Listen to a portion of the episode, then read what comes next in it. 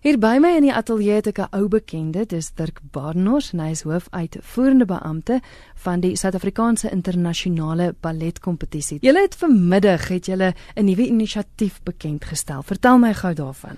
Ja, die inisiatief se naam is Training Teachers in the Townships.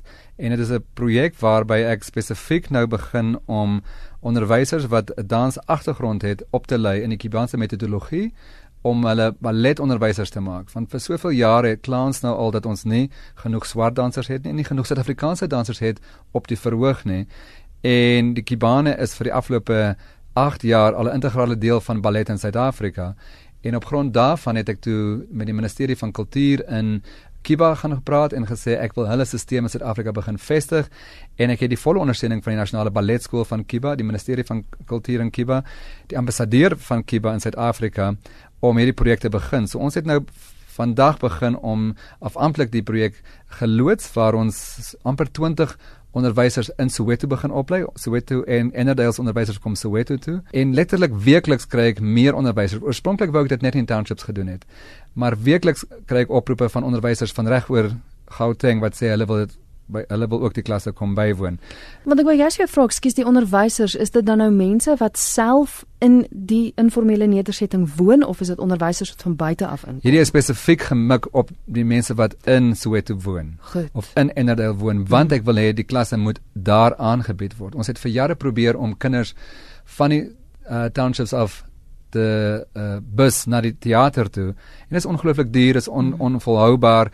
Um, ons moet hulle kos gee die hele tyd. Ons moet altyd wonder hoe kry ons hulle by die huis na die tyd nie in Soweto nie, maar fisies by hulle huis is, soos met hulle elkeen by hulle eie huis gaan aflewer of aflaai. En na 15 of 20 jaar al het ons nog nie genoeg resultate daarvan gekry nie. So hierdie is my volgende stap om te probeer om 20, 30 onderwysers, ek wil aan die einde van die jaar 100 onderwysers op ons boeke hê en oor 3 jaar wil ek 1000 onderwysers op ons boeke hê reg oor die hele Gauteng en daar's een of twee van die ander provinsies wat nou ook begin sê hulle wil dit graag in hulle provinsies hê. Wat dan gebeur is hulle gee klas dadelik na hulle les gehad het saam met ons Kubaanse juffrou. So sy gee vir hulle stap 1, 2 en 3 en dan gaan hulle môre of oormôre terug na hulle klasse toe en hulle gee stap 1, 2 en 3 vir die kinders en sy gaan dan in die, nog later in die week gaan besoek sy hulle en doen 'n kwaliteit uh, of kwaliteitskontrole met hulle om te kyk of hulle stap 1 2 en 3 reg vir die kinders leer.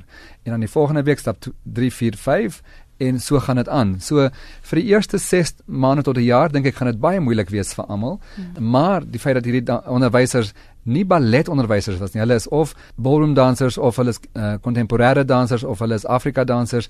So hulle leer nou 'n totaal nuwe stelsel aan. So hulle het geen weerstandigheid teenoor wat hulle leer nie. Dis vir hulle iets nuuts, is vir iets opwindends.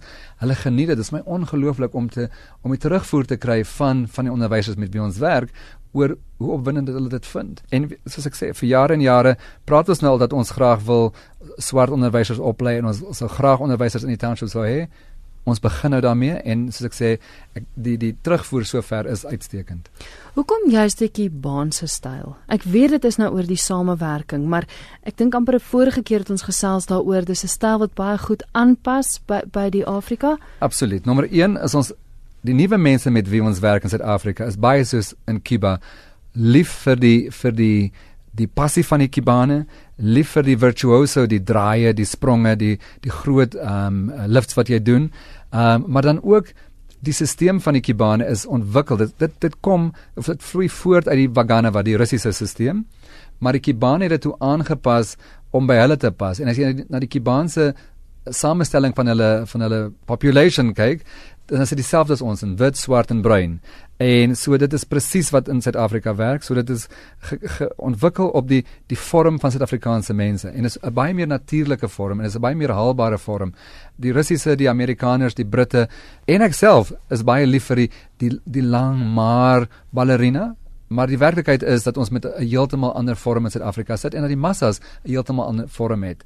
En so dit is wat wat vir ons werk. As ons dink aan Civil Days wat verlede jaar in Swanemeer in Suid-Afrika gedans het, as ons dink aan aan van die ander Kubaanse dansers wat vir ons al hier kom vermaak het, Alicia Alonso, dis hoe hulle lyk. Hulle lyk soos die gewone mense op die straat, maar hulle is uitstekende klassieke balletdansers en dis wat ons vraag wil hê.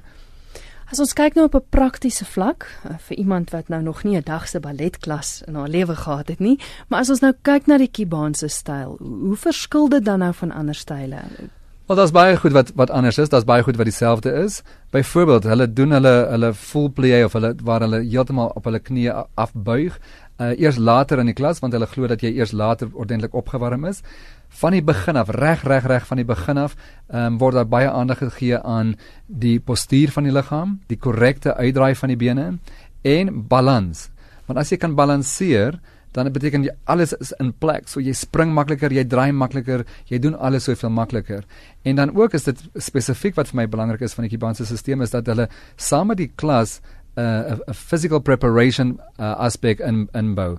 So hulle hulle werk fisies asof jy in 'n in 'n gimnasium of met, met 'n fisioterapeut of met 'n biokineticus werk om die liggaam sterk te kry sodat jy verstaan hoe dit werk fisies om jou jou been reguit te maak en jou voete punt, hoe dit werk om jou skouers terug te kry, hoe dit werk om jou core strength reg te maak. Ehm um, en wat lekker is, ehm um, Maria de los Angeles, my Kibanse juffrou, werk met hierdie onderwysers in in in Soweto maar ons het ook begin met 'n projek by Randfontein High School waar ons begin met met kinders wat al 'n bietjie ballet van tevore gedoen het. So mense kan ons ook daarvoor kontak om om klas daar te gaan doen mense wat in daai area woon. Wat weer eens 'n punt is wat ek probeer maak is om na plekke toe gaan waar daar nie noodwendig soveel ballet van tevore was nie, sodat ek regtig soveel as moontlik ballet na na, na soveel as moontlik mense toe dit wil vat. Ons doen byvoorbeeld die 28ste uh, my werkswinkel in in Rustenburg by 'n ballet uh, studio daar omdat ons voel dat daar baie meer mense in Rustenburg is wat sou belangstel in in klassieke ballet en in die opleiding daarvan en so Jennifer Peterson het ons genooi om by haar die die die werkswinkel te kom aanbied. En so dit is maar hoekom dit ons ons dit doen en dis hoekom ons met die Kiban-stelsel werk. Nou jy het nou vandag, soos jy sê, die projek amptelik bekend gestel. Hoe maak mense as hulle sou belangstel of betrokke wil raak? Die maklikste is of om vir my 'n e e-pos te stuur of om vir my te bel. My my telefoonnommer is makliker as my e-posadres. Dis 083 324 0949 en my e-posadres is badenhorstdirk.db@gmail.com maar dis die maklikste om ons om ons so te kontak en dan kan mens die die die nodige reëlings tref. Ons het nou vroeër gesels oor oor die internasionale kompetisie wat julle doen, maar iets fenomenaals uit daar uitgesprei wat help vir die projek, né? Absoluut. Nog nooit in die wêreld het dit gebeur dat en ek gaan gereeld na internasionale balletkompetisies toe en ek word gereeld genooi om 'n beoordelaar te wees waar die deelnemers wat pryswenners is, hulle geld teruggee aan die kompetisie nie. En in hierdie geval het 4 van ons Koreaanse dansers en 2 van ons Amerikaanse dansers hulle prysgeld teruggeskenk aan die kompetisie om te betaal vir die projek om te help om onderwysers in die in die townships op te lei. En ons is ook baie gelukkig dat verder het Mary Slack wat 'n groot ondersteuner van ballet is 'n groot geldelike bydrae gelewer om hierdie projek van stapel gestuur te kry.